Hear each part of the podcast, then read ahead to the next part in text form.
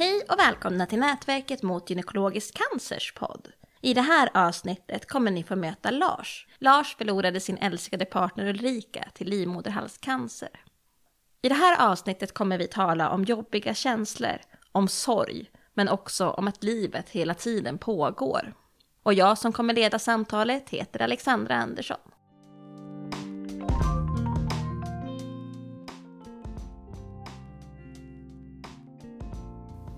Skulle du kunna berätta om hur er resa med den här sjukdomen började?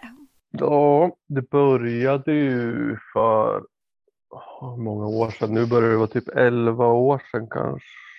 Nej, 12 år sedan är det. Det var ungefär ett år innan vi fick Sally tror jag som det, som det första var. Då fick Ulrika ett brev på posten där det stod att hon hade cellförändringar efter en sån här undersökning. Sen så gjorde de väl någon mer koll tror jag, som jag, om jag minns rätt. Och då stod det att det var starka cellförändringar. Och sen så hamnade hon på Huddinge sjukhus där på kvinnokliniken.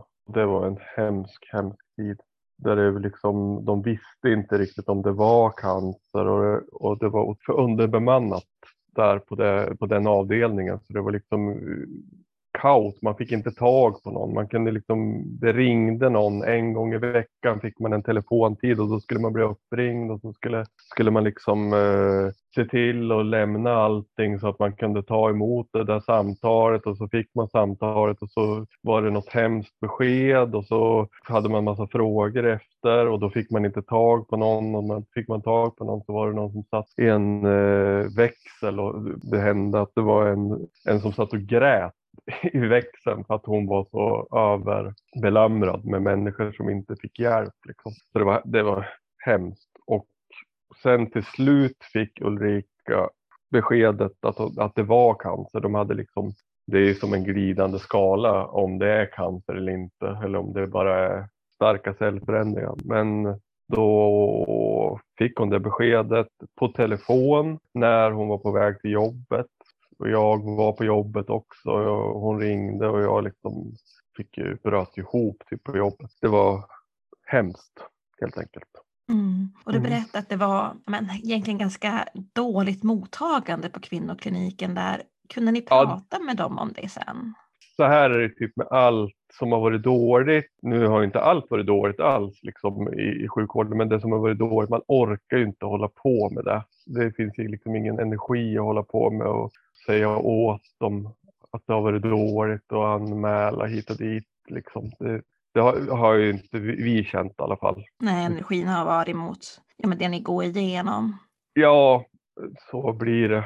Man pratar ju såklart jättemycket och gråter och förbannar sånt som inte funkar såklart. Men, men därifrån till att liksom sitta och skriva in och nej, det, finns inte ork, fanns inte ork hos oss i alla fall.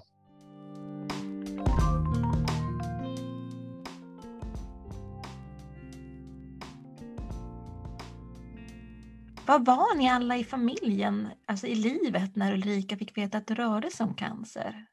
Ja, ja, vad var vi? Vi var väl liksom, jag och Ulrika var ju, vi hade ju inte fått barn, utan det var innan vi hade väl kanske tänkt lite grann att det var väl där vi rörde oss mot det kanske. Fast vi hade nog inte pratat om det utan det blev mer ett resultat av att de, så här var det, jag har historien med hur det blev med de här, först gjorde Ulrika ett par kondiseringar och då, det var då det liksom, de, när de fick de proverna från kondenseringarna som de bestämde sig för att till slut att ja, men det här är cancer, vi måste göra någonting. Och då skulle hon genomgå en sån här eh, hon skulle sätta in ett cyklage. De skulle ta bort hela livmoderhalsen och sätta in ett cyklage. Det var så här eh, stort, jättestort ingrepp och eh, det skulle liksom bli svårt att få barn. Och sen så blev vi skickade till en annan läkare som skulle göra den här operationen och han gjorde en annan bedömning att det inte behövdes. Så då slutade det med att han sa att Ulrika, du är frisk, vi har fått bort alltihop så jag hittar ingenting inga mera dåliga cellförändringar i dig. Så då när vi fick det beskedet blev vi så, liksom så glada så i princip så att vi gick hem och skaffade barn. Eller vi sa ja men det kändes nästan som att vi hade fått en chans liksom med det. Och så blev Ulrika med barn typ ja bara precis efter det här beskedet. Mm. Det var det Mm. lilla Sally som kom. Jajamän, så det var 2009 på hösten så kom hon. Sen, ja, sen var ju det en väldigt jobbig förlossning men det hade ju egentligen inte med det här att göra. Men under tiden då vi väntade Buster som är fem år yngre än Sally, han kom 2014, då under den graviditeten så började Ulrika få jätteont och hon fick, de trodde att det var sån här äh, vad heter det som man får när man får ont under graviditeten? Eh, Foglossning kanske? Foglossning, ja precis. Och eh, fick massa övningar som skulle göras och som gjorde bara saken ännu värre. För det var ju cancern som gjorde att eh, hon hade så himla ont. Och den förlossningen blev helt fruktansvärd och slutade med att hon blev nedsövd och de fick plocka ut Buster. Och sen så blev hon inte liksom frisk efter förlossningen. Men det tog otroligt lång tid innan de fattade att det var cancern. Trots att det stod att hon hade haft cancer och de såg att det var några förändringar på henne redan innan Buster kom ut. Så att, eller att hon hade stora lymfkörtlar där i det området. Ja, så den, han, kom ju i början på november och sen så gick vi där över julen och väntade på att få en tid. Ja, det var helt det var fruktansvärt jul. Vi väntade liksom på att få något besked vad det var och vi började misstänka att det var cancer och vi skulle få en, det var bara en person i Stockholm som kunde göra den här undersökningen och till slut så fick hon komma dit och i januari någon gång och då visade det sig att det var cancer som hade kommit tillbaka. Och då var ni ju liksom tvåbarnsföräldrar nu och ganska Ja. nyförlösta tvåbarnsföräldrar också. Och Ja, fick det där beskedet, hur, hur hanterar man det? Ja, egentligen så tycker jag, alltså man tänker ju ofta så här, eh, det tänkte väl jag innan man hanterar och så här, men egentligen är den frågan på något sätt felformulerad. För man, man har ju liksom inga alternativ, det är inte som att man har, sätter upp någon strategi, eh, i alla fall gjorde inte vi det. Jag har svårt att tänka mig att någon egentligen gör det, utan det är bara att man hela tiden, det är så många gånger under en sån här process som man får hemska, hemska besked och som man tror att man inte överhuvudtaget kan klara av. Men på något sätt är vi ju gjorda för att kunna klara av det på något sätt. Det finns ju folk som går igenom mycket ännu, ännu hemskare saker än det här och liksom kan leva med det. Ja, men det är bara sådana sätt att man anpassar sig utifrån en situation. Det är jättehemskt ett tag, men efter ett par veckor så, så känns det liksom lite enklare och så tar man det därifrån.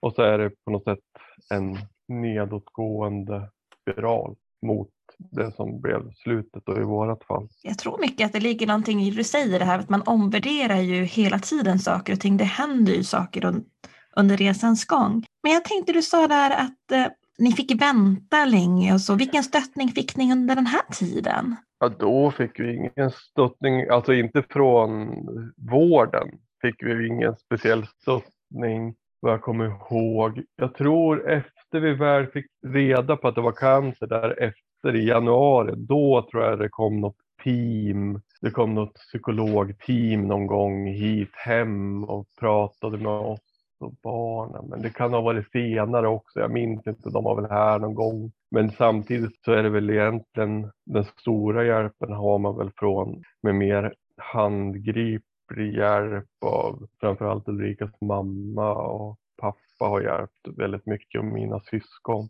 som har funnits här och hjälpt till med barn och varit barnvakt och liksom att man har fått ja, komma iväg ibland och så. Har de hjälpt er att hålla kvar det friska lite grann? Ja, jo, jo, dels det och så dels att man liksom har kunnat men det är ju ganska kämpigt att ha bar, två barn i vilket fall som helst och så ha cancer på det. Ulrika hade ju, hade ju ont. På slutet var det ju så sådana smärtnivåer så det liksom det går inte att föreställa sig några sådana smärtnivåer som var på slutet. Vi var Mm. inne några gånger på akuten med henne då och då är det liksom när man märker att inte ens personalen där, är liksom, de har knappt varit med om det här själv. Liksom.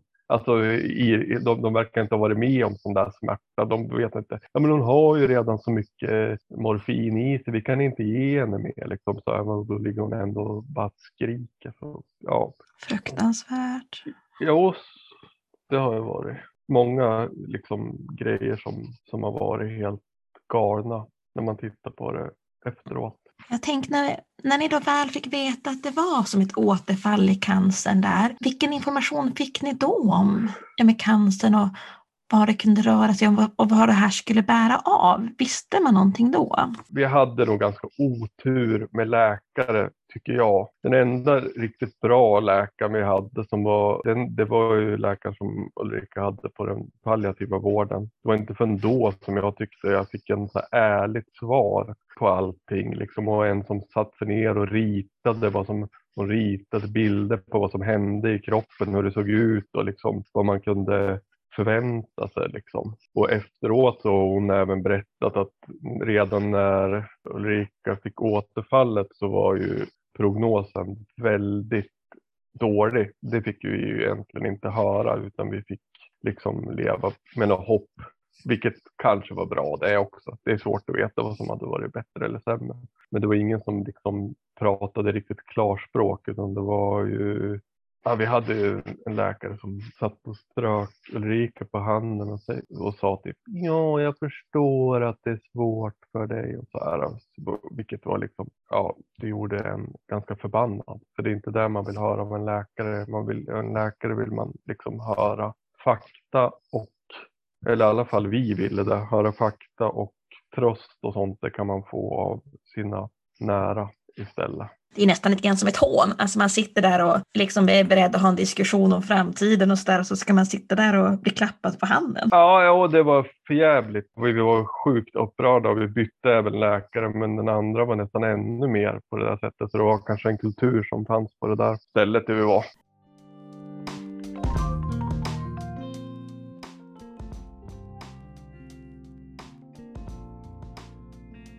Innan vi spelade in det här avsnittet så pratade vi om att även om man ser kanske saker och ting i vården som kunde ha varit bättre så är vi ju överlag väldigt nöjda med det omhändertagande som våra nära har fått. Och kanske framför allt att vi var lite särskilt nöjda med det stöd som vi fick av den palliativa vården. Jag hade en del att klaga på när det gällde liksom kanske vården som vi fick innan, men när vi kom till ASIH här i Fruängen så den vården och de människorna som jobbade där, det är liksom det finaste. Det blir jag liksom gråtfärdig när jag tänker på nu hur vilka jäkla otroligt bra människor som fanns där. Som var så himla fina och tog hand om oss på liksom det skönaste sättet man kan göra. Liksom total proffsiga och total mänskliga på samma gång. Och det verkar gå igen också i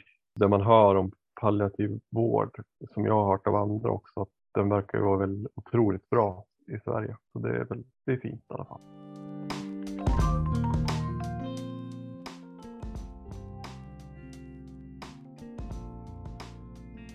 Ulrika fick väl genomgå flera olika typer av behandlingar. Var det cytostatika eller strålning? Ja, det började ju då, det var ju på våren då, här efter den här undersökningen hon fick reda på, det var alltså 2015 på våren som hon, då fick hon genomgå en strålbehandling som var väldigt kraftig och cytostatika samtidigt, fast då fick hon någon reaktion så hon fick sluta med cytostatika men hon fortsatte strålbehandlingen. Och sen framåt sommaren så fick hon beskeden, beskedet att hon hade fått bort allting. Och då var vi helt överlyckliga. Och sen så var allting hyfsat som vanligt över sommaren tills på hösten då hon började få ont igen och sen så framåt december skulle jag tro så, så eh, visade det sig att det var tillbaka igen. Och då var det ju liksom, ja, ja det var ju fruktansvärt jobbigt naturligtvis. Mm. Eh, hur hanterade Ulrika ja, men både cancer men också de här beskeden som kom längs vägen? Hon var ju väldigt, väldigt liksom inställd på att hon skulle leva. Det fanns inte att hon var på väg att dö. Det fanns inte ens i det sista skedet. Det sista liksom, bland de sista gångerna hon var vaken så, så, så och vi kom in och var alldeles rödgråtna för att vi hade pratat med läkaren som hade berättat att hon inte hade långt kvar och så då kom vi in liksom där på rummet och hon ser att vi är ledsna och så bara vad, vad är det, vad är det med er? Liksom, hon nästan arg på oss. Och, vad gråter ni för? Ja, men för att du kommer inte att gå, du kommer ja. Och då sa hon bara, men, men det känns inte så. Det känns som att jag, jag, kommer, jag kan klara det här. Det känns som att jag kan bli frisk igen. Så var hon liksom, och det här var kanske fyra, fem dagar innan hon dog. Mm. Kan det ha varit något sätt att skydda er tror du? Ja, jag tror det var hennes sätt och, och, att hon ville så gärna finnas där för barnen, tror jag. För det var ju det absolut största sorgen för henne att hon inte fick vara med, skulle få vara med med barnen. Men hon var liksom, hon ville ju så gärna leva. Det var väl liksom en strategi på något sätt. Mm barnen, eh, vilken information fick de och vilken information gav du dem och vården och så? Ja, jag pratade med Sally, det var ju Sall, Buster var ju tre då så han liksom, han hade ju svårt att ta in, det var svårt att kommunicera med honom om det här. Men Sally har jag ju pratat med redan från början när Ulrika hade cancer liksom att det är en jättefarlig sjukdom och man kan dö av den och hon visste liksom att det var farligt och att det fanns risk för det liksom. Och sen när, när på slutet så fick de vara med så mycket som det gick. De var med liksom dagen innan och så, så var de där och hälsade på och Ulrika använde de absolut sista krafterna hon hade och sitta med dem på sängen där på sjukhuset liksom leka med dem och skrattade. Liksom, det var ju en eller två dagar innan. Så det var ju otroligt fint och sjukt sorgligt. Det är ofattbart. Det är ofattbart. Man blir väldigt påverkad när man hör dig berätta också. Det, ja. det är så ofattbart. Det här ska inte behöva ske. Nej. Men tyvärr gör det ju det. Ja, men man får ju hoppas just med den här typen av alltså, cancer. Jag, nu i efterhand har jag liksom fattat också att en av de liksom mest smärtsamma cancerformerna också. Det som är bra med den är att den verkar ju ganska lätt att utrota. Är relativt lätt jämfört med många andra cancerformer om man kan vaccinera och nu är ju det på gång så det är ju bra i alla fall. Absolut. Det finns saker att göra och det är bara synd att man inte har kommit på det tidigare. Det är det verkligen.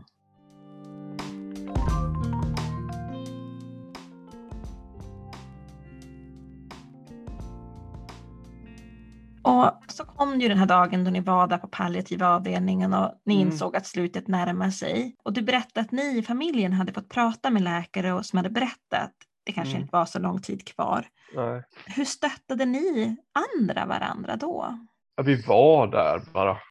Ulrika hade jättemycket kompisar som älskade henne väldigt mycket. Så, och de var där och jag, eller, vi ville att de skulle komma dit också för det var många som frågade om de fick komma och hälsa på henne. Så då alla hennes kompisar kom dit och satt hos henne när hon låg där och, och var borta liksom. Så det var otroligt fint helt enkelt att se hur älskad hon var. Och det var ju ett stöd och det var ju alltid fler än en där. Liksom. Vi sov ju där då på avdelningen. Så jag och Ulrikas syrra bodde där.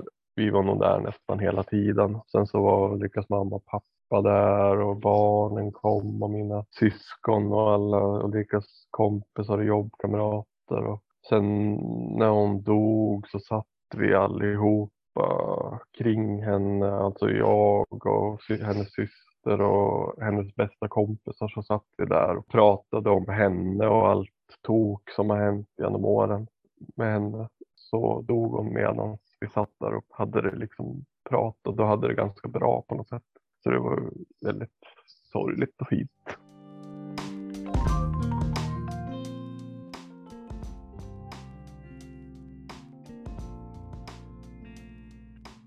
Var Ulrika? Var hon medvetslös de sista dagarna? Ja, hon var ju medvetslös. Jag tror, alltså jag börjar glömma exakt hur det var. Men jag har bilder från de sista gångerna hon var vaken där med barnen. Sen så vaknade hon någon gång till efter det och det sista hon åt, hon åt en glass, en isglass och då tyckte jag att ja, men nu äter hon och så nu är hon liksom på väg att bli, bli lite bättre här. Så liksom det var man griper verkligen efter så här halmstrån som är, inte finns och sen så vaknade hon inte efter den där isglassen mer.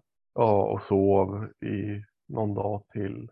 Dog hon där på eftermiddagen den 11 november. Och då satt vi omkring och sen så när precis de dog så liksom satt hon sig upp i sängen och tittade på oss och så bara andades hon ut och så dog hon. Alltså man tänker mycket.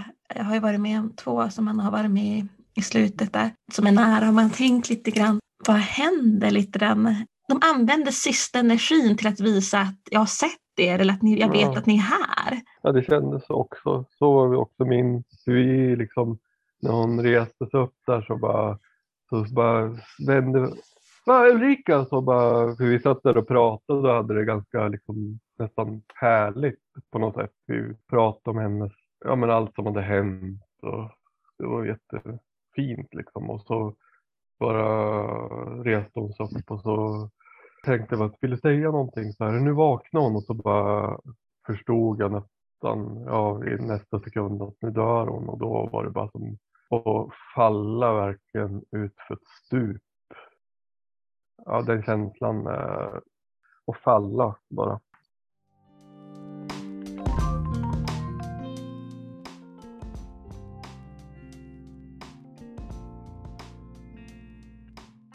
Hur var Ulrika som person? Hon var jävligt speciell människa.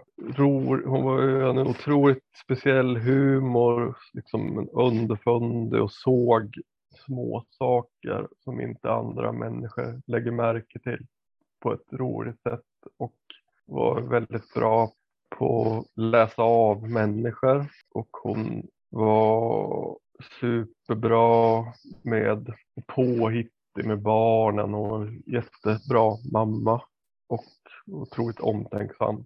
Hon hade en massa dåliga sidor som alla andra också, men det är inte de man kommer ihåg när man tänker på henne. Hur har ni fått Ulrika att vara med i er vardag efteråt? Så dels så har vi bilder överallt på henne och sen gjorde, alltså med exempel gjorde min syrra gjorde en jättefin grej. Hon gjorde en, samlade ihop alla, hon skickade ut ett mail till alla min, hennes kompisar som fick skriva en liten grej om henne om de ville. Så gjorde hon en, tryckte hon upp en bok till mig och barnen så man kan liksom läsa folks minnen av henne. Så den har vi läst, har jag läst liksom för barnen nu när de har varit små. De ska komma ihåg henne. Sen så försöker jag prata om henne med barnen liksom, så att de ska komma ihåg henne. Liksom. Sen så har hon en grav också, men och där det betyder nog mer för andra. Hon är liksom närvarande. Jag tänker på henne hela tiden. Inte hela tiden, men jag tänker på henne flera gånger varje dag.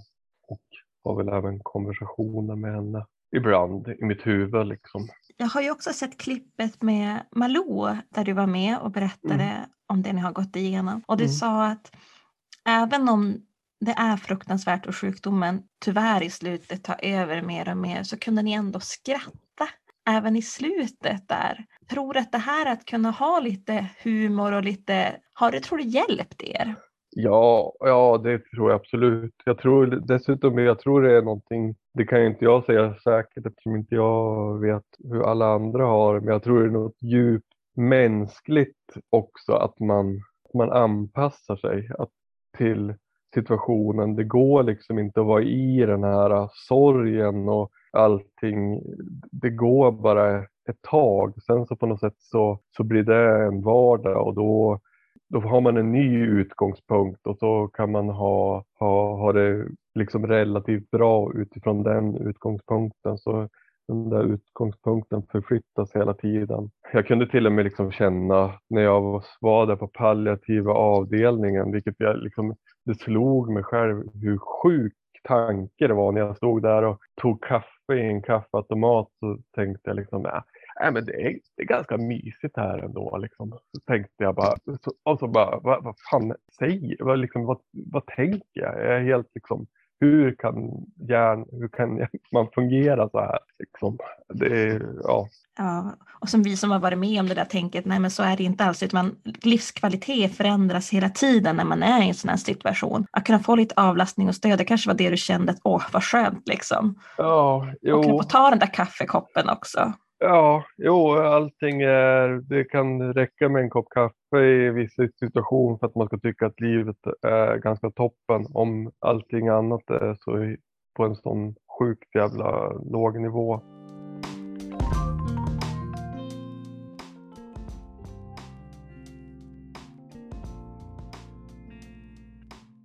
Hur är din vardag idag skulle du säga? Den är bra tycker jag. Jag håller på med en ny skiva som handlar väl liksom som är som en fortsättning på Dark Companion. Barna har det bra tycker jag och jag har träffat en ny tjej.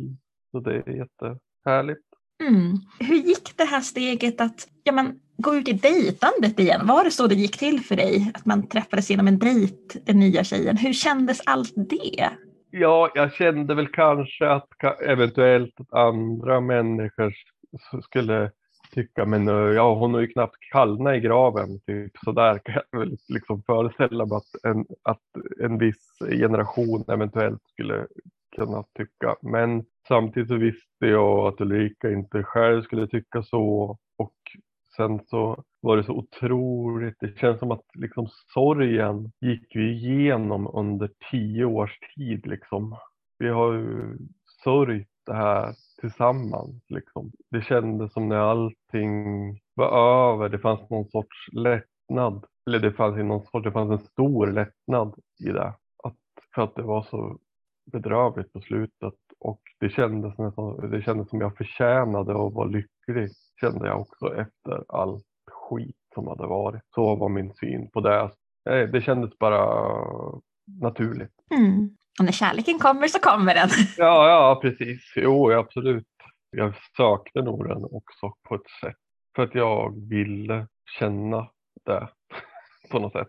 Eh, som jag hade, var det så mycket annat som hade jobbigt så jag ville liksom bara känna en skön känsla. Och så hittade jag den. Så det var ju härligt.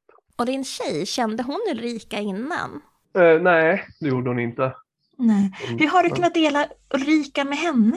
Det har varit en utmaning eftersom vi har, nu har vi hållit ihop liksom länge, ganska länge, jag och Mikaela. Men det har ju varit liksom svårt för henne och det har jag full förståelse för. Speciellt liksom när, tror jag hon har haft jobbigt med när jag släppte den här skivan sen så blev allting så offentligt och jag pratade om Ulrika i sådana här sammanhang och liksom att ja, vilken otrolig människa Ulrika var. Det kan ju vara, ja, det är jobbigt för henne att höra såklart. Men vi har ju pratat mycket och liksom hanterat det under tiden. Jag tänkte, hur är kontakten med Ulrikas familj idag? Den är toppenbra. Förutom att corona har kommit och förstört såklart. För mormor har ju varit liksom, jag vet inte hur vi skulle klarat det här utan Ulrikas mamma. Hon har varit liksom helt otrolig och varit med ja, redan sedan innan Ulrika fick cancer så har hon ju hjälpt jättemycket med, med sina barnbarn. Men sen eh, när Ulrika fick cancer så var hon här nästan hela tiden mer eller mindre bodde här hos oss. Så vi har en jättebra kontakt fortfarande och de är här jättemycket när det går. Kan kontakten också med dem vara ett sätt att hålla Ulrika vid liv tror du? Ja, det är det väl inget sånt där medvetet på det sättet. Det är ju bara självklart på något sätt.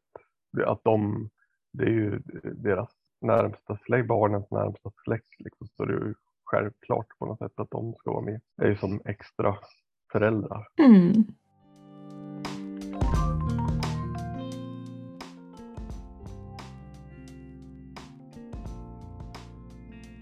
Om du får tänka tillbaka under den här tiden och men egentligen önska helt fritt, vilket stöd hade du velat ha? Och då kanske främst från vården?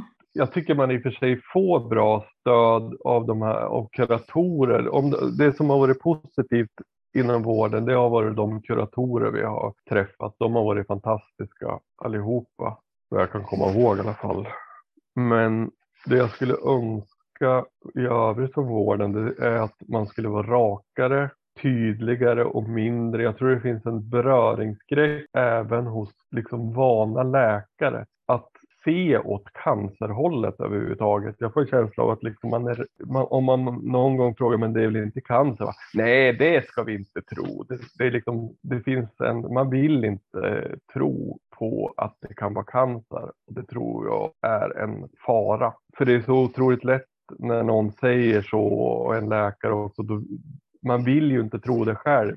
Ingen vill ju tro att det är cancer, men det är ju cancer ganska ofta. Så att jag tror att i Ulrikas fall så tror jag att man hade upptäckt det mycket tidigare om man hade velat tro att det var cancer istället för att man inte vill tro att det är cancer. Vilket egentligen är någonting då som är, man gör av någon sorts snällhet eller mot patienten, att man inte vill skrämma upp. Men jag tror att det är en risk. Mm. Det skulle jag vilja skicka ut till alla läkare, att de självrannsakar sig i den frågan. Det finns säkert läkare som är bra på det sättet också, men många som är rädda, precis som alla är för cancer. Jag vet inte, det är en avvägning såklart, men jag tror att det, att man skulle kunna hitta kanske tidigare om, om man hade en sån approach överlag. Ja, och, och, vi som kanske står bredvid och kanske har varit drabbade, vi känner väl kanske, men vad skönt om vi blev oroade bara i onödan då? Ja, jo, det kan man ju känna i efterhand. Det är ju hemskt liksom, såklart att bli oroad, det är ju det värsta.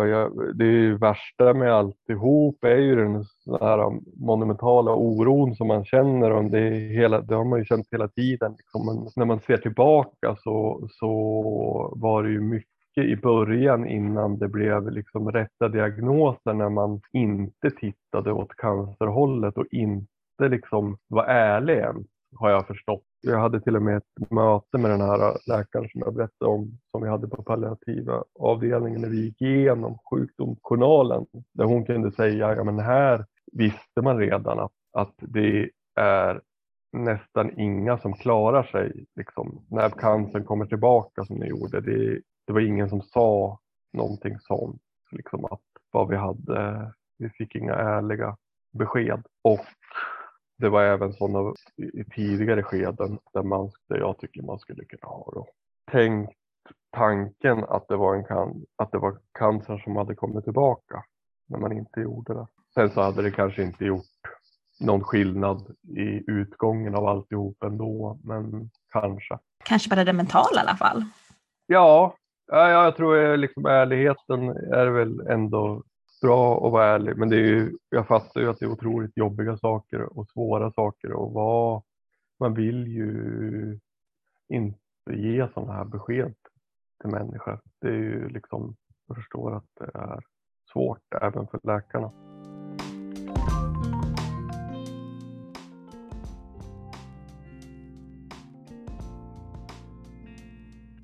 Innan vi spelade in det här avsnittet berättade du för mig att det inte räckte med Ulrikas bortgång, utan du förlorade också en kär vän, cirka tre månader efter att Ulrika gick bort. Och vi talade om att det var så konstigt på så många olika plan. Han hade blivit en av mina bästa vänner, Ulf. Och så satt jag där liksom tre månader efter när han låg och dog i sängen hemma hos sig och samma team från ASIH heter, kom dit och så satt jag där. Jaha, är du här? Och så satt jag hemma hos en till människa som skulle dö snart. Det var väldigt overkligt. Mm. Och behöva gå igenom det liksom igen på något sätt. Ja, ja, absolut. Fast det var inte mig det drabbade hårdast, men det var, och jag var liksom fortfarande så mycket uppe i att Ulrika precis hade dött så jag kunde väl kanske inte ta in det riktigt, men det var, nej, det var sjuk, en sjuk tid. Vad skulle du vilja säga till andra närstående som kanske sitter i liknande situationer? Det man kan säga är väl det liksom att, att man tror inte att man ska klara det innan. Men att vi på något sätt är gjorda för att, att klara det. Vi är liksom som djur eller vad man ska säga så är vi, vi kan hantera döden och de värsta liksom, sakerna. Vi är liksom byggda för det. Det är väl det mest trösterika som jag kan säga i alla fall. Även fast det är en vidrig. Det är mycket vidrigt som ska gås, gås igenom liksom. Men man klarar ju det. Jag har en kompis som förlorade sin åttaårige son i, i hjärntumör och han lever och verkar kunna känna lycka nu. Liksom. Och det, och att, sån, att eh, någon sorts tröst att vi kan klara av saker som vi inte tror är möjliga att klara av. Alltså du är så stark. Alltså, jag vet man inte ska säga så, det är hemskt att kalla folk starka hit och dit. Ja, men att kunna förmedla det här så gott du gör i ord och liksom kunna sätta ord på känslorna. Alltså det är mm. helt otroligt. Och kunna få hitta tillbaka till ja, men, glädje och liksom kunna få hitta tillbaka till kärlek. Alltså det är helt fantastiskt. Och du ändå har kvar henne. Alltså, hon, kommer, hon har ju påverkat dig så otroligt mycket så du kommer ju aldrig att glömma henne. Men ändå att man liksom har med sig det positiva och ändå kan se framtid. Det är helt otroligt. Ja, men vi var ju så unga också. Det känns som liksom, skulle man inte göra det, då kan man ju, vad fan, jag har ju barn och liksom, man måste ju gå vidare efter en sån här sak på något sätt. Annars så förstör man ju halva sitt liv om jag inte, fast det kan väl säkert bli så också. Man vet inte hur man reagerar för man är i situationen själv. Äh, jag har otroligt svårt med sådana som sitter så här äh, livsvisa äh, människor som säger hur si och så, hur man ska göra i olika situationer och man måste, hur man ska tänka och sådär. Jag tror inte riktigt på sånt. Jag tror att man märker när man hamnar i de situationerna hur man gör. Jag tror inte att det spelar någon roll om någon livscoach har sagt åt att man ska göra på det här sättet eller hur man ska tänka sig eller så. Utan det får man se. Mm. Så det man gör är det som är rätt. Det man känner är det som är rätt att känna. Annars ja. skulle man inte kunna känna det lite grann.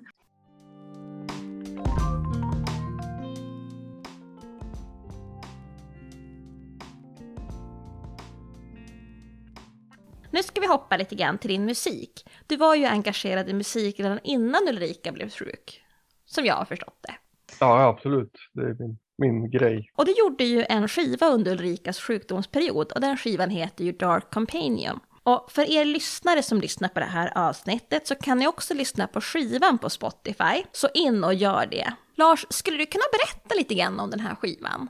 Ja, men skivan var ju liksom, den höll jag på med under hela processen från att hon fick, vi hade börjat spela in den redan innan Buster kom. Jag minns sista dagen på den inspelningen, då ringde hon och sa att de hade hittat någonting. Nej, så var det inte. De hade, hon hade fått en blodpropp i benet, så var det, under graviditeten. Och så ringde hon till studion och så fick jag åka upp till sjukhuset där hon var och så började liksom hela helvetet på något sätt. Och sen så höll jag på med den här skivan under hela sjukdomsprocessen och hade det nästan som, jag hade en studio där jag satt och höll på med den här och det blev nästan som ett, ett liten, att jag kunde rymma dit ibland för att det var så jobbigt att vara här hemma ibland. Så då, var det, då kunde jag liksom vara och tänka på något annat ibland när det var för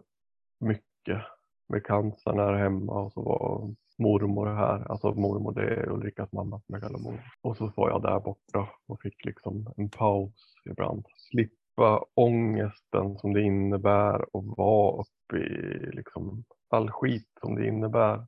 Det finns ju liksom inget annat än sjukdom. Allting handlar om sjukdomen till slut. Och det gjorde ju i och för sig även skivan där såklart. För att den, min musik handlar ju om mitt liv någonstans. Liksom. Så då blev det ju naturligt, naturligt att skriva om det.